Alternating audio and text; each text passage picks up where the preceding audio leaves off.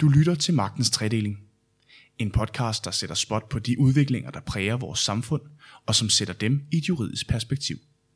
Now, it is incumbent upon us lawyers not to just talk about the truth, but to actually seek it, to find it, to live it.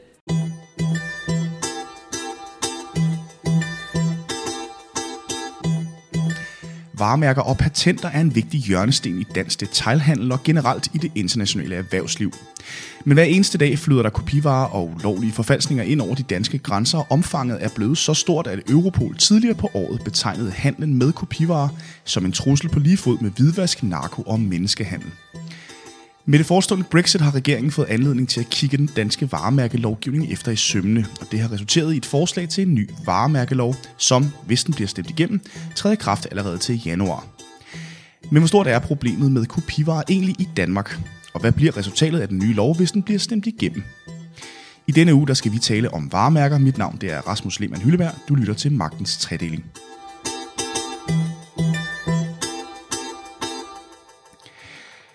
I denne uge der har jeg med mig i studiet Cecilie Let Bokhoff. Du er juridisk konsulent hos Dansk Detail. Og så har jeg Martin Hofgaard Rasmussen. Du er advokat og partner hos Utello Advokatfirma, som blandt andet står bag portalen rettigheder.dk. Velkommen til begge to. Tak. Mange tak. Som altid så bryder vi lige isen med et lille postulat, og i denne uge lyder det således. Mange danskere har kopivarer med hjem fra deres ferie sydpå. Det bør folk stadig have lov til, da det ligger inden for bagatelgrænsen. Cecilie, vil du som øh, brancheperson mm. starte på det? Ja, altså jeg ved ikke, om jeg tager lidt juridisk perspektiv, men jeg synes faktisk, det er lidt sjovt, at der er den her bagatelgrænse. Øhm, for mig burde det enten være lovligt eller ulovligt. Det giver ikke rigtig mening, at vi siger de her 3.200 kroner. Jamen over det, ej, så er det en kopivare, under det, så er det fint. Øhm, generelt er det et problem, synes jeg, at man køber kopivarer. Øh, så ja.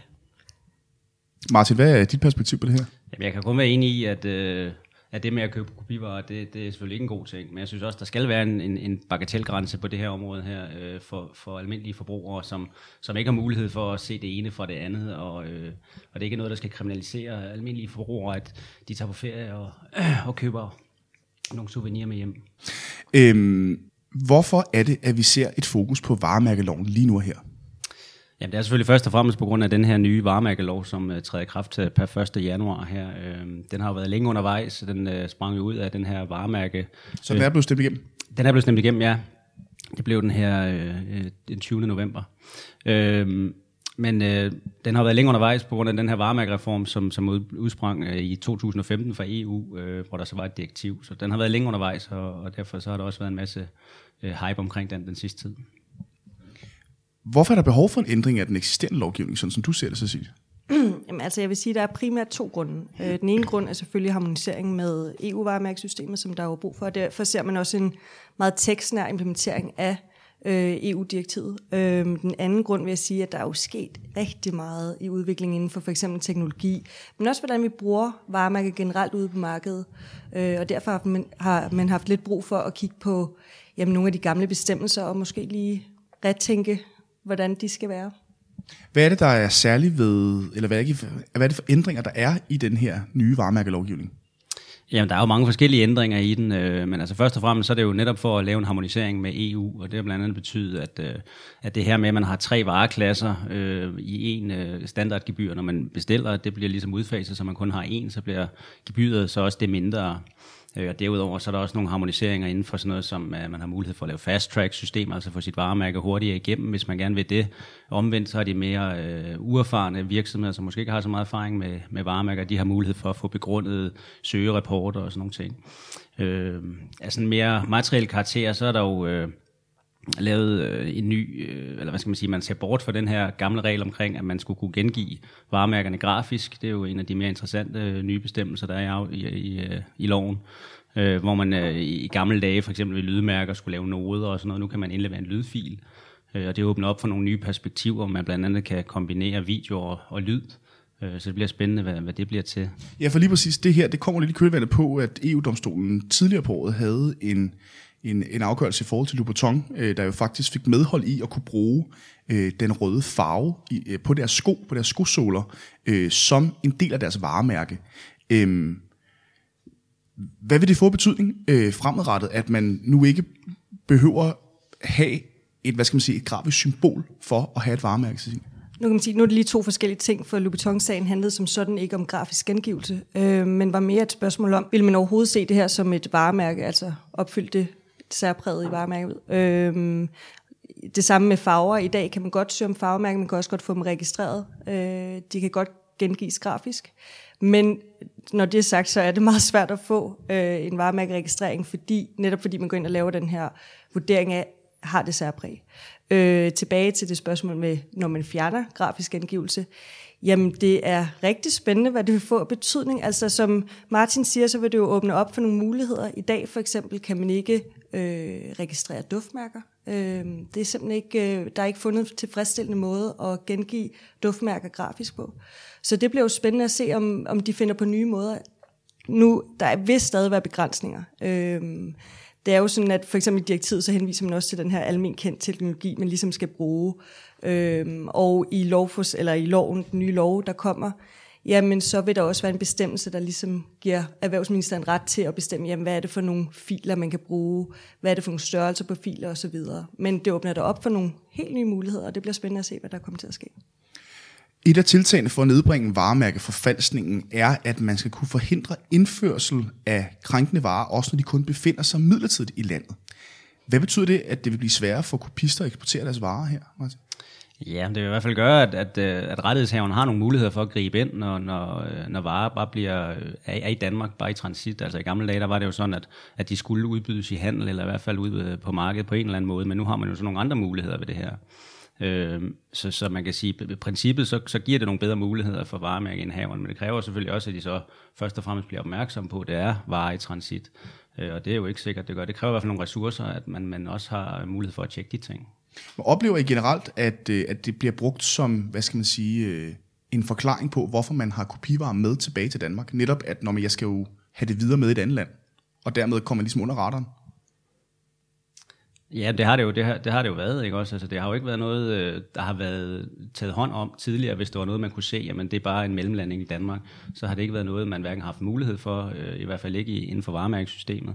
Men det har man så nu, så det, det, det, det giver nogle nye muligheder for rettighedshaverne i hvert fald. Cecilie, du sidder som juridisk konsulent hos Dansk Detail, øh, hvor du rådgiver en stor del af den danske specialdetailbranche øh, inden for blandt andet mode, livsstil og bolig. Øh, hvor stort et problem er at handle med kopivarer, set fra din stol? Jamen altså, hvis vi nu tager den på helt generelt plan, så er det jo et kæmpe, kæmpe problem i hele verden. Øhm, og både for stor, store og små øh, detailvirksomheder. Du var også inde på den rapport, som Europol og EUIPO har lavet, øhm, hvor de har jo estimeret, at det er værdien af det her IPR-kriminalitet anslået til 461 milliarder US dollars om året på verdensplan. Øh, og som du også selv siger, jamen det er på niveau med de her helt store kriminaliteter, som narkohandel, menneskesmugling osv., så helt generelt set er det jo et kæmpe, kæmpe problem, og det mærker vi også øh, inden, hos os, altså vores medlemmer, øh, som også er jo de mest klassiske områder, kan man sige, øh, inden for det her kopi, øh, kopivarer. Men, øh, men i dag så viser det jo også, at, at det her med at kopiere varer, det har jo bredt sig ud til alle varegrupper. Øh, så det er jo også, altså det viser bare, hvor kæmpestort det er. Hvis man skal spørge lidt dumt, og det, det, det er jeg nødt til lige at prøve en gang, Martin, fordi øh, jeg tænker, at det er, jo, det er jo bare fysiske varer. Hvordan kan man, eller bare bare, men altså når Europol sidestiller den her problematik med narko, og menneskehandel og hvidvask, øh, altså hvordan kan man sidestille de ting? Fordi det her er jo bare fysiske varer. Ja, det er det selvfølgelig, men, men det har jo en stor økonomisk konsekvens, fordi det er jo noget, virksomheder de investerer utrolig mange midler i. De, de udvikler produkterne, og de gør en masse for at brande det, så det får den værdi, det har.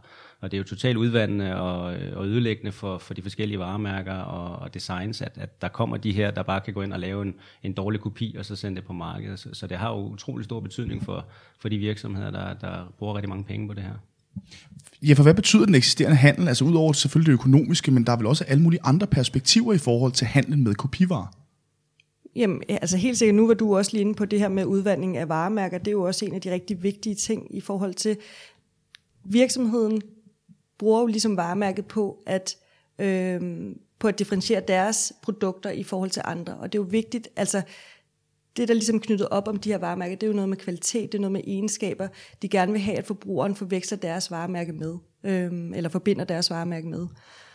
Når en anden går ind og laver en kopivare, og de dem der kopisterne, jamen de tænker jo egentlig kun på profit, profit, profit. Det vil sige, de bruger tit meget ringe øh, materiale osv.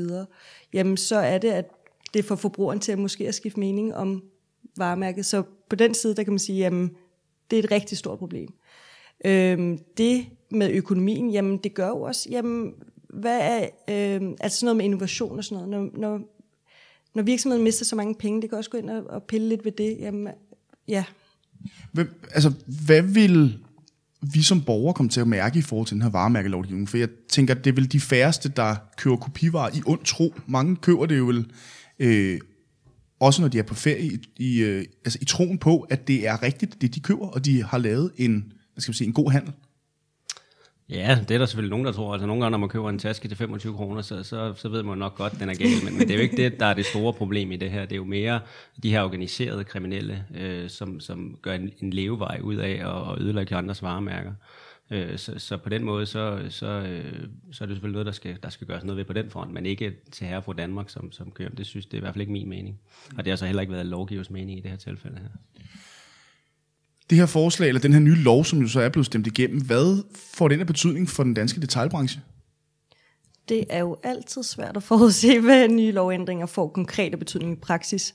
Øh, men det er jo rigtig, rigtig spændende i forhold til det her med øh, at kunne stoppe kopivarer i transit.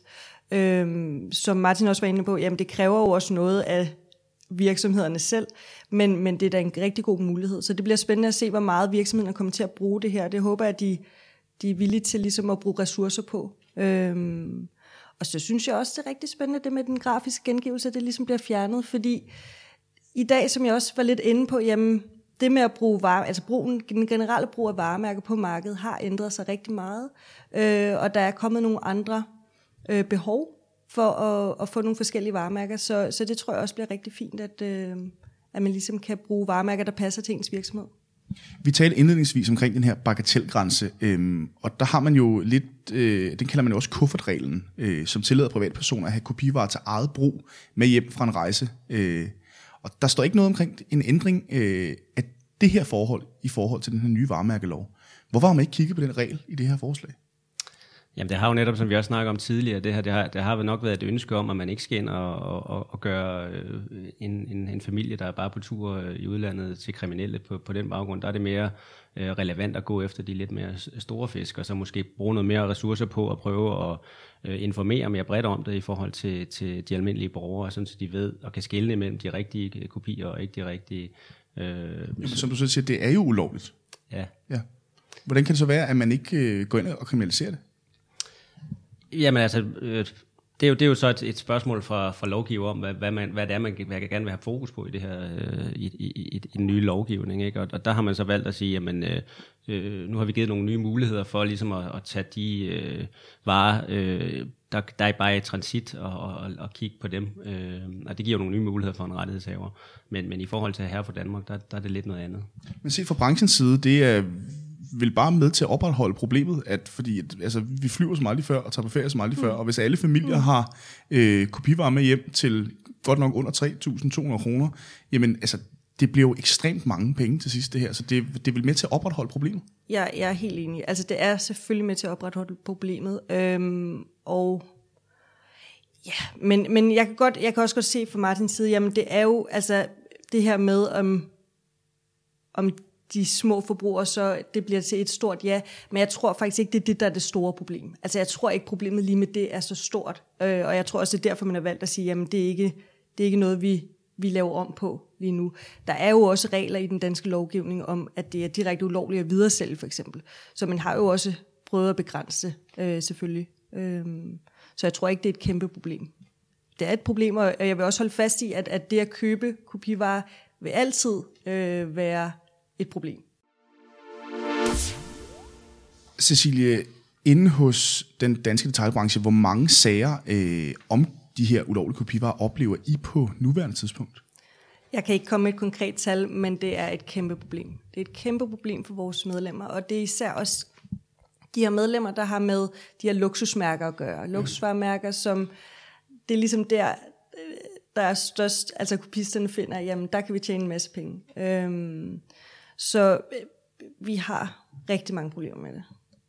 Nu ser vi, at den her nye lov er blevet stemt igennem, Martin, øhm, og det er vel første skridt i et forsøg på ligesom at komme det her til livs, men altså, hvad skal der til internationalt set, hvis man skal for alvor rykke noget? Fordi man kan sige, en ting er jo EU, men vi har jo også det store internationale samfund, der vil også skal agere på det her, hvis det skal komme til livs. Ja, det kan man sige. Øh, men altså først og fremmest så skal vi fokusere på, på EU og, og deres ydre grænser. Altså vi har jo allerede nu en, en, en, en fornuftig ordning omkring tolvforordning, hvor man har mulighed for øh, øh, og anmelde sine registreringer til tolvmyndighederne, som så holder øje med en, og de har også mulighed for at egenhente det og, øh, og, hvad skal man sige, kigge på de, de ting, der kommer ind. Men der skal bruges flere ressourcer på den del, efter min mening, øh, så der er mere fokus på det i, i hele EU, også i ved alle grænser, der er der. Men derudover, så, så er det jo selvfølgelig, man bliver nødt til at tænke kreativt på det her område her, men der bliver også nødt til at være nogle muligheder for at gribe ind på alle de platforme, der næsten gør det nemt at, øh, at agere over for det her. Altså det er Alibaba og Wish og, og sådan noget, der gør det netop muligt for, for den almindelige forbruger nemt at, at kunne bestille sådan nogle ting hjem. Inden for hvilke områder er det, I oplever flest problemer, Cecilie, i forhold til vareforfalskning? Altså nu sidder jeg jo med de mest klassiske områder, som også sagt, øh, men det er jo helt klart øh, beklædning og interiør. Øh, det, det er de områder, som... Men, men igen, så er det jo sådan, at, at det har udbredt sig til at være næsten alle varegrupper, øh, der bliver kopieret. Men, øh, men helt klart øh, beklædningsgenstande og interiør. Ja, fordi ifølge den seneste rapport fra EU's kontor for intellektuel, eller for intellektuel ejendomsret, der løber det her tab op i 8,6 milliarder kroner alene i Danmark, hvoraf 2,6 milliarder af disse ligger inden for beklædningsområdet. Altså, er det noget, du kan genkende? Det er jo, ja, det er jo helt, helt vildt store tal, det, det her. Vildt. Selvfølgelig er vi ikke de 2,6 millioner, men, øh, men ja, det er helt klart der, vi ser allermest kopiering. Mm. Det er nok det nemmeste at kopiere, og øh, ja. En af de helt store udfordringer i den her øh, rapport, øh, hvad hedder, drejer sig om medicinområdet, som jo virkelig også er et sted, hvor der virkelig bliver forfalsket rigtig, rigtig meget. Mm. Jeg tror, at øh, det er omkring 4 milliarder øh, kroner alene, som går på kopivarer inden for medicin. Øhm, netop medicin er et område, hvor det kan have rimelig alvorlige konsekvenser for den enkelte person. Altså det, det går jo ikke ud over mit helbred, hvis jeg tager en, hvad hedder det, en, en kopivare på af en trøje. Men medicin, det går ind direkte og griber ind i folks sundhed.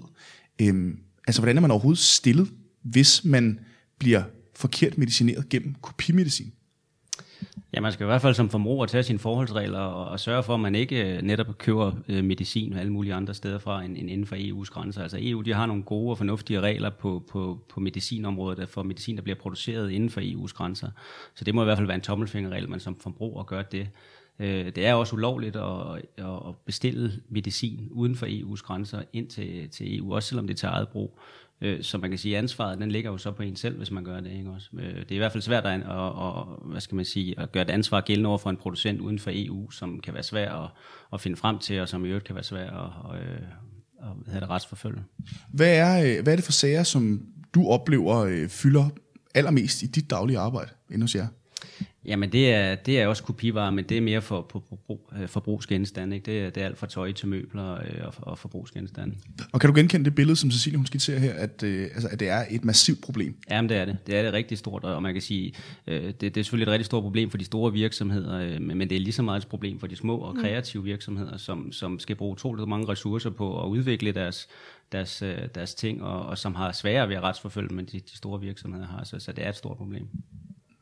Helt sikkert, helt sikkert. Altså, vi har jo set mange sager, hvor øh, også i det offentlige, hvor at øh, små virksomheder ligesom har prøvet at fremstille et eller andet nu, når vi er nok mere henne på design, men hvor at øh, større kæder så har tænkt, nej, det ser da flot ud, øh, og så reproduceret det billigt. Øh, så også inden for vores egne grænser er, der også, er det jo også et problem.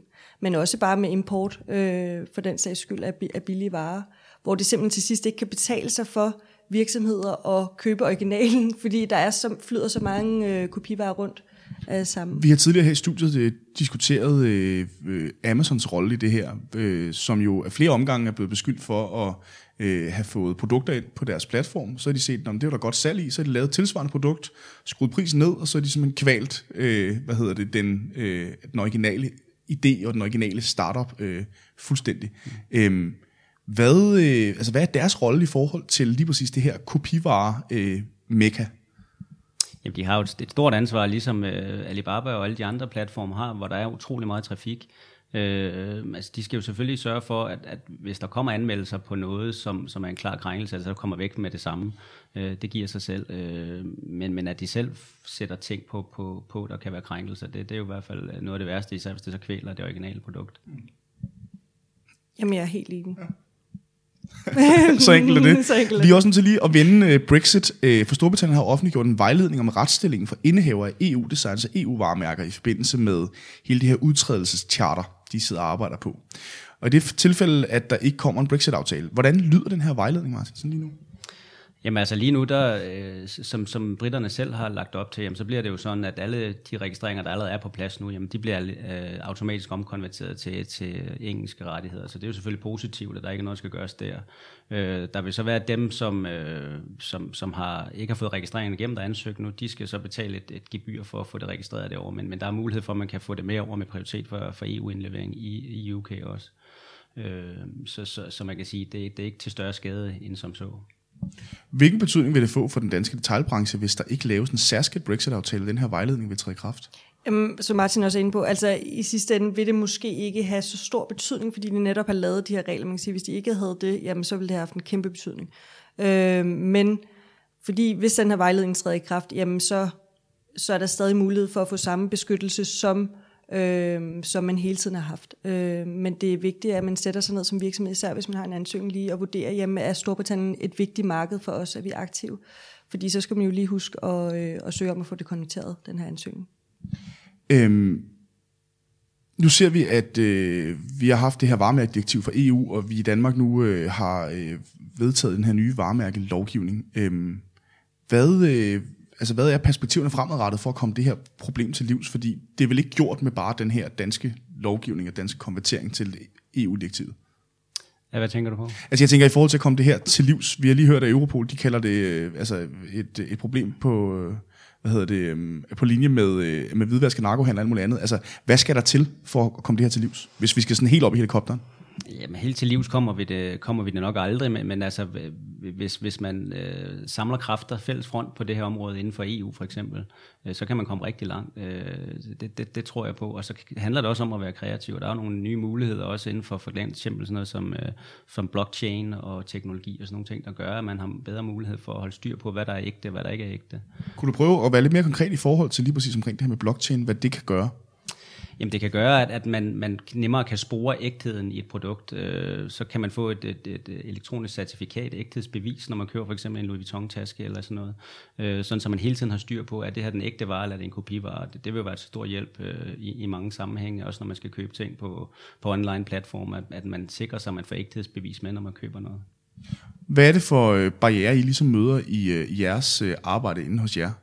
Hvad tænker du på? Jamen, jeg tænker i forhold til at komme det her problem til livs. Nu har vi fået en ny lovgivning, mm-hmm. men hvad er det for, ligesom for områder, hvor at I øh, hos Dansk Detail føler, at der burde man sætte mere ind? Jamen, altså jeg vil sige, at der, hvor man nu så nu også har sat ind, jamen det har været rigtig meget med det her import, for eksempel. Øhm, så det er jo rigtig positivt, at der nu kommer fokus på det. Øhm, jeg vil også sige lige tilføje til Martin, jeg tror, også, jeg tror også, du var inde på det tidligere, det her med, jeg tror også, det er sindssygt vigtigt, information, information, information, altså til forbrugeren. Mm. Øhm, det er vigtigt, at vi får ud, hvor hvor skadende det egentlig kan være, de her kopivarer. Ikke? Øhm, så vi måske ikke kriminaliserer det, men oplyser i stedet for, øh, så forbrugerne har mulighed for at tage det her valg om at købe kopivarer øh, ud fra et oplyst grundlag. Ikke? Det handler nemlig også om, at forbrugerne ændrer vaner og syn på kopivarer. Mm. At det ikke er bare noget, øh, at det, det sker der ikke noget ved, at jeg lige køber det her, mm. eller lige downloader det her, eller gør noget i den stil der. Men de netop kan se, at det er skadeligt for, for, for branchen, og også for deres muligheder for at kunne få nye produkter ud på markedet. Så, ja, for lige præcis den her folkestemning kunne jeg godt tænke mig at zoome lidt på, fordi hvad, altså, hvad er det for en opgave, der ligger i det? For jeg tror, der er jo mange, der stadig taler om, at når man så var de lige høhø, øh, i Asien, og så købte de lige noget, der lignede, øh, og det er jo meget fedt. Øh, jeg har en blandt andet kammerat, der tit arbejder i Beijing, og så kommer han hjem med, øh, med nogle sko, der ligner ja. et par Nike-sko, mm. og synes, at det var fedt nok, fordi de var tæt nok på. Øhm, men altså, det er jo, altså, det er jo et kæmpe problem, at, at det ligesom er den følelse, man har omkring det at købe kopivarer. Hvordan ser I det forhold her?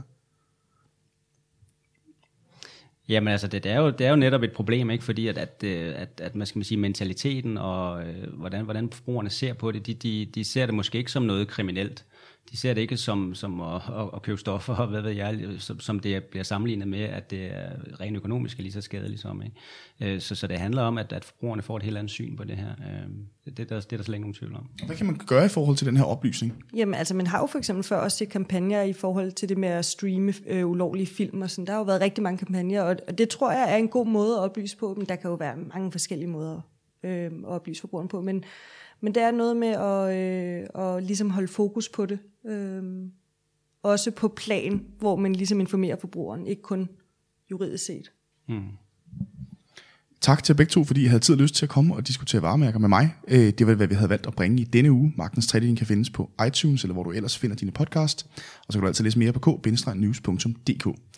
K-News og Magtens Tredeling er produceret af Karno Group.